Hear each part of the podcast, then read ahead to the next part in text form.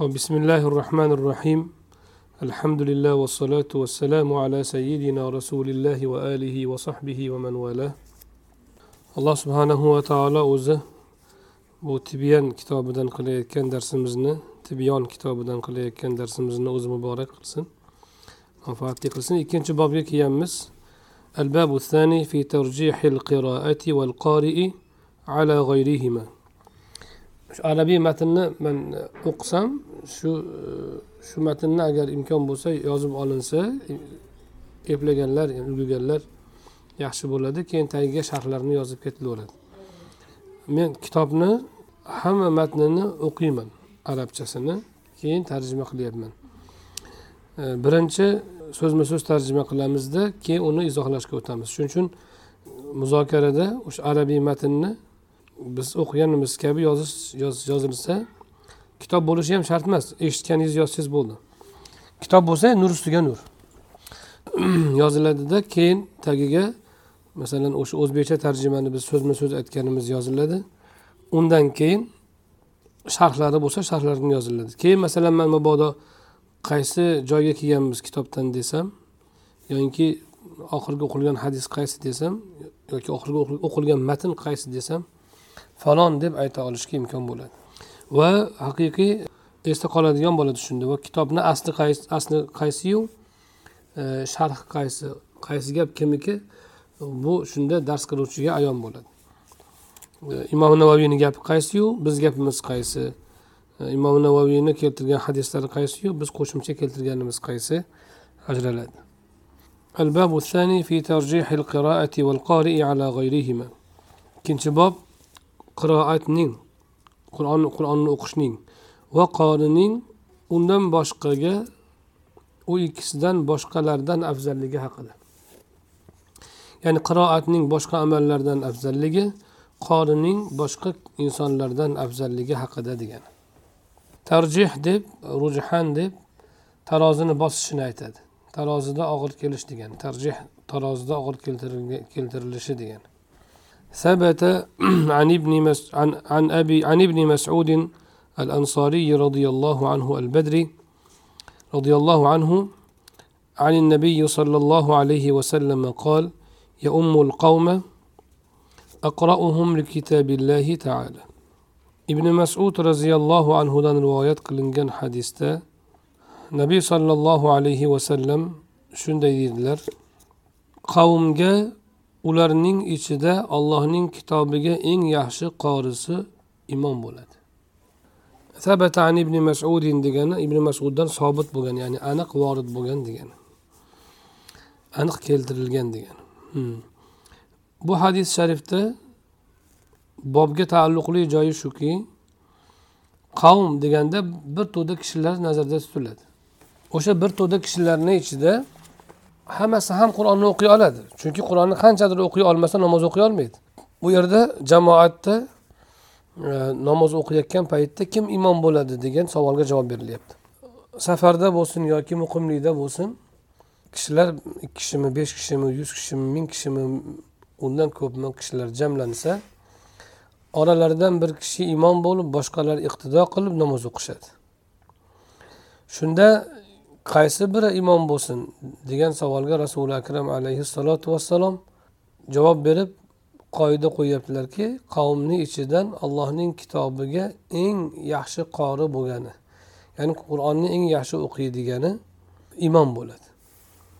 Bobga taalluqli yeri bu yerda bu hadisning bobga taalluqli joyi shuki kishilarni imomatga imom bo'lishga layoqatlari qur'ondan bilganlari qadar bo'lar ekan chunki hamma ham qanchadir biladi. Hech bo'lmasa fotiha bilan qulhuvallohni bilishi kerak. Bo'lmasa namoz o'qiy olmaydi. Lekin shularni orasida qur'onga eng ko'p mohiri qur'oni karimga eng ko'p olimi qaysi biri? Eng yaxshi qorisi qaysi bir o'shanisi imom bo'ladi. Bu hadis sharifda e, biz endi bobga taalluqli bo'lmagan hadis sharifni ostidagi ma'nolarini ham aytib ketamizki hadisdan to'la foyda olish uchun. Bu hadisi sharif islomiy dunyoqarash yoki islom madaniyatlaridan biri qoidalaridan birini bizga ko'rsatadi. Namozni bir to'da insonlar to'plangan paytda albatta bittalari imom bo'lib boshqalari unga iqtido qilib o'qishlarini vojib qilinishi nima uchun shunday vojib qilingan buyurilgan desa sunnat qilingan desa bu islomiy qarashni bizga ifoda qiladi. Ya'ni islom kishilarni birlashtiruvchi deng insonlarni parchalovchi emas jamiyatlarni parchalovchi emas insonlarni bo'lib ularni tafriqaga solib bir biriga qarama qarshi qo'yib o'sha bilan bir narsaga erishuvchi ta'limot emas balki imkon qadar insonlarni birlashtiruvchidir. Shuning uchun holbuki namozni hamma har bir odam boshiga farz har kim o'zi o'qib olsa bo'laveradi. Lekin islom o'shalarni birga o'qishini taqozo qiladi birga o'qishlarini vojib qiladi buyuradi. Birga o'qiganda ham ularni orasidan bir kishi bosh bo'lishini buyuradi. Bu degani jamiyatni jips bo'lishini islom istaydi. Va ularda bosh bo'lishini istaydi. Ular bebosh e, har kim har qayoqqa tortadigan tuzumsiz intizomsiz bo'lishlarini istamaydi. Shuning uchun albatta bir kishi bosh bo'lsin. Holbuki bu ibodat har bir kishini boshiga vojib. Har bir kishi o'zi o'qishi kerak. Shu bir o'zi uchun vojib bo'lgan narsani ham boshqa bilan birga e, jamiyat bilan birga bajarishini talab qiladi. Bu esa islomni bashariy va ijtimoiy din ekanini ko'rsatadi. Kishilarni to'plovchi jamlovchi ularni birlashtiruvchi inoq qiluvchi ittifoq qiluvchi din ekanini ko'rsatadi. Shunda endi o'sha vaqtda kim bosh bo'ladi kim imom bo'ladi desa ana endi me'yor qo'yiladiki ularni ichlarida alloh subhanahu va taoloning kitobiga eng yaxshi qori bo'lgani ya'ni eng yaxshi o'qiydigani deb aytdilar. Fiq kitoblarimizda imomatga imomgarchilikka eng haqli inson namoz ahkomlarini eng yaxshi bilgan kishidir jamoatni ichidan deyishgan. Undan keyin qiroati eng durisidir demak bu yerda aqrouhumdagi qur'oni karimni eng yaxshi o'qiydigani deganda qur'onni talaffuzini eng yaxshi o'qiydiganmi yoki qur'onni ma'nosini eng yaxshi o'qiydiganmi degan savol tug'iladi. Ilgargi davrda rasuli akram alayhissalotu vassalom sahobalarga ta'lim bergan paytlarida qur'onni qur'oni karimni oyatma oyat talaffuz qildirib o'qitganlar. Va har bir lafzning ma'nosini uqtirib mohiyatini tushuntirib o'qitganlar va unga taalluqli undan kelib chiqadigan hukmlarni ham qo'shib tadbig'ini ham ko'rsatib o'qitganlar. Shuning uchun qur'oni karimdan kim qancha o'qigan bo'lsa uni shar'iy ilmlarda bilimi shuncha keng bo'lgan. O'z o'zidan u qur'oni karimni talaffuzi bilan birga vaqf ibtidosiniyu e, qayda boshlab qayda tugatishiniyu undagi fiqhiy hukm bo'lsa fiqhiy hukmni e, lug'atidagi nozik ma'nolar bo'lsa lug'atdagi nozik ma'nolari va boshqa hamma shar'iy ahkomlari alloh subhanahu va taoloning o'sha kalomdan bo'lgan maqsadlarini qo'shib o'rganishgan sahobalar. Shuning uchun beshta sura o'qigan odamdan ko'ra o'nta sura o'qigan odam qur'onga talaffuzda mohirroq va shu bilan birga shar'iy ilmda olimroq bo'lgan o'z o'zidan shuning uchun qur'oni karimni eng yaxshi o'qiydigani deganlarini o'zida shar'iy ilmlarga eng bilimdoni degan ma'no ham o'z o'zidan kelib chiqqan. Shu bois fuqarolar keyingi davrlarda kishilar qur'onni lafzini oldin to'g'ridan to'g'ri o'zini yodlab olib qachonki qur'oni karim ajamlarga o'tgandan keyin ular arab bo'lmagandan keyin ularni yoshi qarisi katta kichigi birdan qur'onni yodlashga tushgandan keyin qur'oni karimni sahobalardaqa besh oyat besh oyatdan talaffuziyu vaqf ibtidosiyu ahkomi ma'nolariyu tafsirlarini qo'shib o'qish imkoni bo'lmay qolgandan keyin odamlar qur'onni zohirinigina yodlab birinchi shuni uddalab shar'iy ilmlarga keyin alohida kirishadigan bo'lganlaridan keyin ulamolar qarasa hadisi sharifda aytilgan ko'zlangan ma'nodagi qorilik eng yaxshi o'qiydiganingiz degan qorilik topilmayapti ularda. Ularda faqat lafzi lafzini yodlash va talaffuz qilishdan boshqa o'sish yo'q. Shunda ulamolar keyin e, birinchi bo'lib haqli kishi namozni ahkomlariga faqih bo'lgan. Namozning hukmlarini fiqh hukmlarini eng yaxshi bilgan kishi imomatga haqli deb birinchi o'ringa faqihni qo'yib undan keyingi o'ringa tilovati eng yaxshisini qo'yishgan. Ana shu tartibda qo'yilgan undan keyin masalan taqvolirog'i undan keyin e, masalan yosh kattarog'i va hokazo deb tartib berishgan keyin. Ammo demak hadis sharifdagi aqrouhum li kitabillah allohni kitobini eng yaxshi o'qiydigani deganlarida nimani nazarda tutganlar? Qur'oni karimni eng yaxshi talaffuz qiladigan va biladigan ma'nolarni ma'nolarini ham biladigan odam nazarda tutgan bo'ladilar. E, endi namozni durust bo'lishi uchun namozning hukmlarini bilish muhim bo'lganidan ulamolar e, bu hadis sharifdan e, yuqorida aytganimiz tarixiy o'zgarishdan kelib chiqib e, fahm olganlarki demak birinchi bo'lib eng haqli kishi namoz ilmlariga bilimdon bo'lgan kishidir chunki u albatta namozga bilimdon bo'lguncha qur'ondan ham ancha o'qigan bo'ladi. Undan keyin qiroati eng yaxshisi. E, qiroati eng yaxshisi degan nima degani? Ovozimi? Ohangimi? Yo'q tajvidi. Tajvidi eng yaxshisi o'qiydi. Tajvidi eng yaxshilarini orasidan keyin ovozi eng yaxshisini tanlash mumkin. Birinchi o'rinda talaffuzni shu vaqf ibtidoni tajvidni yaxshi bilgani muqaddam bo'ladi. Bu mana shu hadisdan demak e, bu bobni e, maqsadi butun qavm yuz kishi yuz kishi bo'lsa yuzta to'qson to'qqiztasidan ming kishi bo'lsa to'qqiz yuz to'qson to'qqiztasidan qur'onga eng mohiri afzal ko'rilyapti. Qaysi o'rinda? Namozda. Namozki alloh subhanahu va taoloni e, huzurida bandalar turadigan maqom. Allohni huzuriga bandalar kelib shu ibodatlarini bajarar ekanlar go'yoki ularni boshlari raislari qur'onga eng mohirlari bo'larkan shariat shuni joriy qilgan ekan demak qorining allohning huzurida maqomi balandligini ko'rsatadi va islomda o'rni kattaligini ko'rsatadi boshqalardan afzalligiga dalolat qiladi keyingi hadis وعن ابن عباس رضي الله عنه عنهما قال كان القراء أصحاب مجلس عمر بن الخطاب رضي الله عنه ومشاورته ومشاورته كهولا وشبابا. رواه البخاري في صحيحه. إمام البخاري أزلرنين صحيح لرد ابن عباس رضي الله عنه دان قلقان روايته. وكشات كان كان لركي قارلر عمر بن الخطاب رضي الله عنه نين majlis kishilari ham majlislari va mashvarat kishilari edilar. Ya'ni hazrati umarning xalifalik davrlarini zikr qilmoqchilar. Hazrati umar xalifa bo'lgan paytda ya'ni islom davlatining rahbari bo'lgan paytlarida atroflarida majlis hozirgi tilda aytganda shu parlament yoki vazirlar mahkamasi maqomidagi kishilar bo'lgan. Ya'ni u kishining atroflarida vazirlar va maslahatchilar bo'lgan. Ana shu u kishini maslahat va mashvarat majlislari kimlardan iborat edi desa qorilar shunday majlisda bo'lishardi.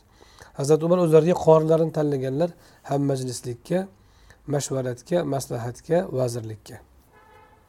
Ibn abbos roziyallohu anhuning bu gaplari e, um, sahoba ikromlarning qur'oni karim va qoriga bo'lgan munosabatlarini belgilaydi. Davlat miqyosida mamlakat miqyosida ummat miqyosida butun millatning yetakchilari qorilar bo'lgan ekan. Qarorni shularni maslahati bilan berar ekan xalifa. Bu qorilarning boshqalardan tarjih qilingani ustun qo'yilganini ko'rsatadi. Bu xabardan ham biz bilamizki qorilar deganda qur'on ilmlariga mohir kishilar tushunilgan. Chunki ular qur'onni lafzi bilan birga uning lafzining ilmlarini ham qo'shib olishgan. Sahobalarni odati shunday bo'lgan. O'sha uchun eng olim kishilarni chaqiraman desa o'z o'zidan qorilarni chaqirish kerak bo'lgan. O'z o'zidan hozir bizdagi qoraka boshqa mullaka boshqa bo'lgan taqsim eng buzuq taqsim e, oxirgi davrlarda oxirgi shu oxirgi asrda bizda shakllanib qolgan buzuq taqsim judayam. Sahoba ikromlarda ana shu yuqorida aytganimizdek qur'oni karim egalari shar'iy ilmlarni va boshqa ilmlarni ham yaxshi egallagan kishilar bo'lgan. Chunki mashvaratda faqat shar'iy ilm emas balki masalan jamiyatdagi boshqa ilmlar ham kerak bo'ladi. Ekin haqida maslahat kerak bo'lishi mumkin e, chorva haqida kerak bo'lishi mumkin o'sha paytda xo'jalik haqida kerak bo'lishi mumkin. Chunki podshoh e, kishilarni dunyoviy hojatlarini bajarishi kerak ehtiyojlarini qondirish kerak va ularni dunyoviy ahkom bilan boshqarish kerak dunyoviy hukmlar bilan. Shunday ekan uni atrofida turli ilmlarni egallagan kishilar jamlanishi kerak. Shu ilmlarni egalari hammasi qorilar bo'lgan. Qorilar ana shu hamma sohada yetakchilar bo'lgan. Shuning uchun hazrati umar qorilarni o'zlariga mashvaratchi qilib olgan ekanlar. Asli musulmonlarni an'anasi shunday bo'lishi kerak. Lekin e, afsuski keyingi davrlarda bu an'ana sustlashib ketgan. Nima uchun qorilarni mashvaratchi qilganlar u kishi? Chunki ular boshqa ilmlarda peshqadam bo'lish bilan birga qur'onga mohir bo'lganlar va shar'iy ilmlarda mohir bo'lganlar. Qur'on ularni shaxsiyatini solih saqlanishiga kafolat beradi. Shaxsiyatlari sof doim qur'on bilan bo'lganlari uchun allohga doim bog'langan va allohdan qo'rqadigan kishilar bo'lishadi. Shuning uchun ularni maslahatgo'y mashvaratchi qilib olishlik eng omonatli eng ishonchli yo'l bo'ladi. Hazrati umar shuning uchun ularni tanlaganlar. Qur'ondan uzilgan kishilar qur'oni karimni axloqi bilan axloqlanmagan kishilar agarchi sohani egasi bo'lsa ham omonatdor bo'lmasligi mumkin. Yoki sohasida ham suskash bo'lishi mumkin. Lekin ahli qur'onlar ham sohani mutaxassislari bo'lishgan turli sohalarda va qur'oni karimga doim bog'langanlari uchun ular omonatdor solih axloqli kishilar bo'lishgan. Shuning uchun hazrati umar ularni o'zlariga mashvaratchi qilganlar bizni oxirgi davrlarimizda qoraka boshqa mullaka boshqa bo'lib qo'yadi bu o'ta buzuq taqsim. Biz salaf solihlardan shu sahobalardan tortib hozirgi davrgacha bo'lgan ulamolarni agar tarixlarini o'rganadigan bo'lsak nafaqat shar'iy ilmlarda barcha ilmlardagi peshqadamlarimiz hofiz qur'on bo'lishgan. Nafaqat imomi buxoriy imomi muslim imomi termiziy e, hazrati naqshband ahmad yassaviy kabi yoyinki hazrati imom abu hanifa abu hafs kabir kabi fuqarolarimiz yoki burhoniddin marg'uloniy kabilar nafaqat shar'iy ilmlardagi mutaxassislar balki tabiiy ilmlardagi mutaxassislarimiz ham adiblarimiz ham o'sha ajdodlarimizda hammalari qorilar bo'lishgan hofizlar bo'lishgan. Abu rayhon beruniyni olasizmi? Muhammad xorazmiyni olasizmi? Abu muso xorazmiyni? Yoyinki e, ibn sino yoki adabiyotdan alisher navoiy yoyinki boshqa adiblarimiz e, olasizmi shoirlarimizni olasizmi? Ogahiymi boshqasimi hammasi hofiz qur'on bo'lishgan. Mashrabgacha. Yoyinki sarkardalarimizni olasizmi? Amir temurni olasizmi? Ulug'bekni olasizmi? Ham podshoh ham fan arbobi. Falak falakiyot ilmini eng katta namoyandalaridan. Mirzo ulug'bekni olasizmi? Yoinki boburni olasizmi sarkardalarimizdan amir temurni olasizmi shayboniyxonni olasizmi? Hammalari hofiz qur'on bo'lishgan. Ulamolarni hammasi hofizi qur'on bo'lishgan. Birorta shu yetakchi olimlarni hofizi qur'on bo'lmaganini topolmaysiz. Lekin afsuski oxirgi davrlarda shu qatag'on davrlaridan keyin dinimizga bo'lgan millatimizga bo'lgan bu qatag'on qirg'indan keyin odamlar qochib bo'lsa ham eplab seplab qur'onni hech bo'lmasa zohir lafzini saqlab qolaylik deb eplab saqlab qo'yganlar ulamolarni qirib yuborishgan ahli qur'onlarni qirib olgan o'sha davrlarni bosib o'tib natijada bizni xalqimizda bizni mintaqamizda qorakalar boshqa mullakalar boshqaga aylanib qoldi. Ya'ni qori bo'lsa shar'iy ilmlardan bexabar mulla bo'ladigan bo'lsa qur'ondan bebahra. Shunaqa bir holatga kelib qoldik afsuski. Shuning uchun mullada qur'onni nafasi yo'q. O'shaning uchun uni o'sha go'zal axloqi yoki yetakchi shaxsiyati yo'q. Qur'oniy shaxsiyati yo'q ya'ni. O'ziga yarasha o'zini e, xususiyati bo'lishi mumkin lekin qur'oniy shaxsiyati yo'q. Qorida ham qur'oniy shaxsiyati yo'q chunki unda ham qur'oni karimni ilmlari yo'q. Mana bu e, taqsimni yo'qotish kerak. Har bir shar'iy ilmda shar'iy ilmda xususan shar'iy ilmda mutaxassis bo'lmoqchi bo'lgan odam albatta hofiz qur'on bo'lishi kerak. Hofiz qur'onlar ham hech yo'g'i o'qiyotgan narsasini tushunadigan darajada juda katta olim bo'lmasa ham qur'oni karimdan qanchadir bahra oladigan darajada qur'onni tushunishga urinishlari kerak. Ularda arab tili va boshqa shar'iy ilmlardan hech bo'lmaganda boshlang'ich va o'zlariga yetarli qur'oni karimni fiqhiy ahkomlarini bilolmasa ham nasihatlarini ololmaydigan darajada bilimlari bo'lishi kerak bo'ladi. Shunda ular qur'oni karim bilan to'g'ri shakllanadilar. Ana shunda salaf solihlarni yo'llariga ergashgan bo'ladilar. Hazrati umarni majlisdoshlarini ahli qur'onlar bo'lganlari ana shundan bo'lgan. Qorilar umar roziyallohu anhuning majlis va mashvarat kishilari edilar. Yoshu yosh bo'lsin katta bo'lsin deganlar. Kuhulan av shababan ya'ni yosh bo'lsa ham shabab deb o'ttizni pastini aytishadi. O'ttizni tepasini kuhul deyishadi. Kahl ya'ni birligi. O'ttizni tepasi bo'lsin o'ttizni pasti bo'lsin degani. Bundan tushuniladiki yoshga qarab emas boshga qarab deb qo'yadiyu bizda. Yoshga qarab emas ilmga qarab o'zlariga maslahatchi tanlagan ekanlar. Va qur'on egalari ahli qur'onlar yosh bo'lsa ham ilmda yetakchi bo'lishgan ekan. Hazrati umar xalifa bo'lganlar. Hazrati umar xalifa bo'lganlar ya'ni butun davlatni o'sha vaqtda yer yuzini katta qismini egallagan bo'lganlar. O'sha davlat boshqaruvida hazrati umar o'ta sermaslahatchi bo'lganlar. Odatda diktator odamlar maslahatni kam oladi. Ko'proq o'zini fikri bilan yuritadi hamma narsa. Hamma meni aytganimni qilish kerak deydi. Hazrati umar o'ta shaxsiyati kuchli o'ta ham aqli o'tkir nomini eshitsa odamlar titraydigan darajadagi kishi bo'lganlar. Lekin o'sha shiddati o'sha quvvati diktatorlikka olib kelmagan. Hamma meni aytganimni qiladi deydigan. Balki eng sermaslahatchi bo'lganlar. Shuning uchun tobeinlar aytishardiki sizlar hozir o'zlaringiz deb aytadi odamlarga.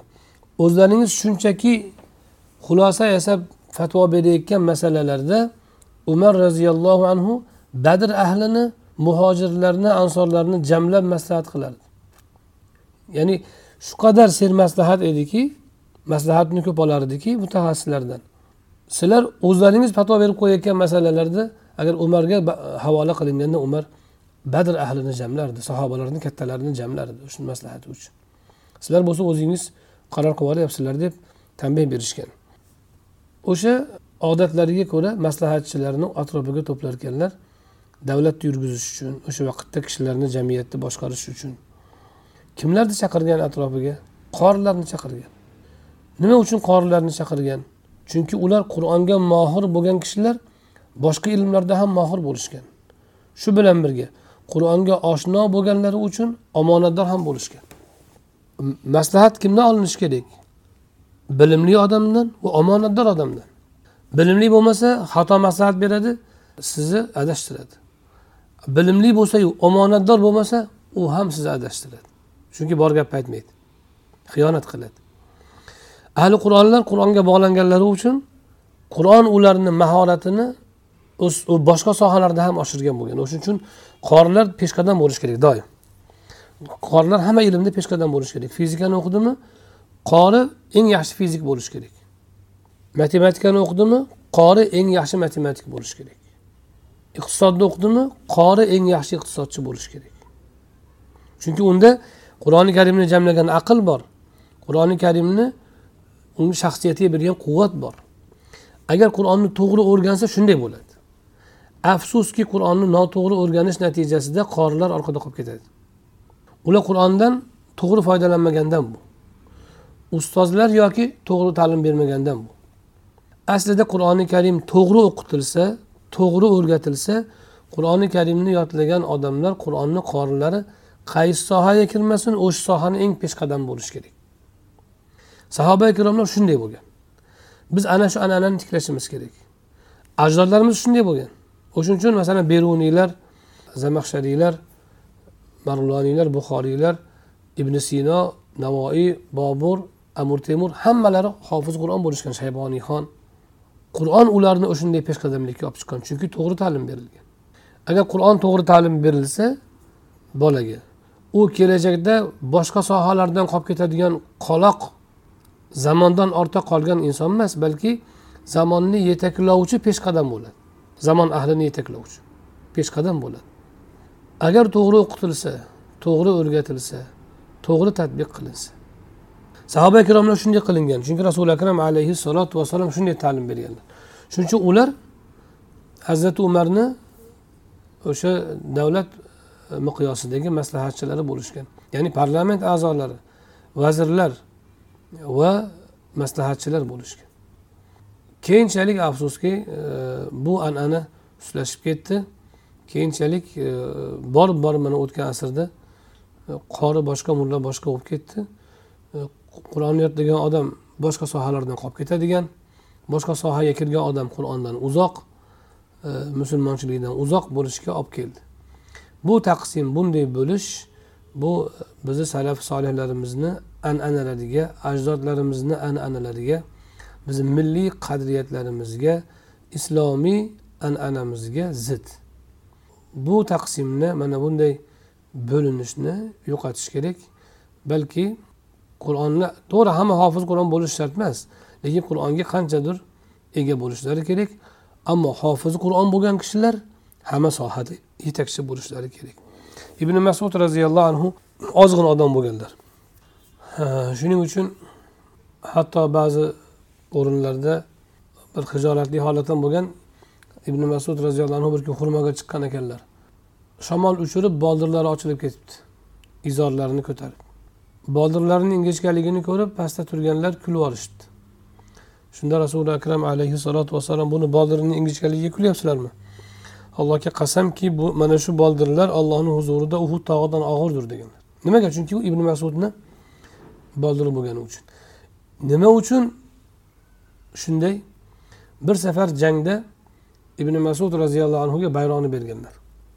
Odatda bayroq eng baquvvat baquvvat eng e, sergak insonga beriladi.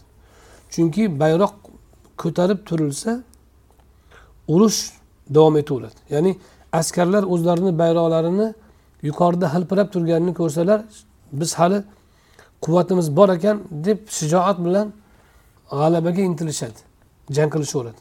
Ammo bayroq yiqitilsachi unda o'z uz o'zidan butun qo'shinga mag'lubiyat ruhi singib qoladi.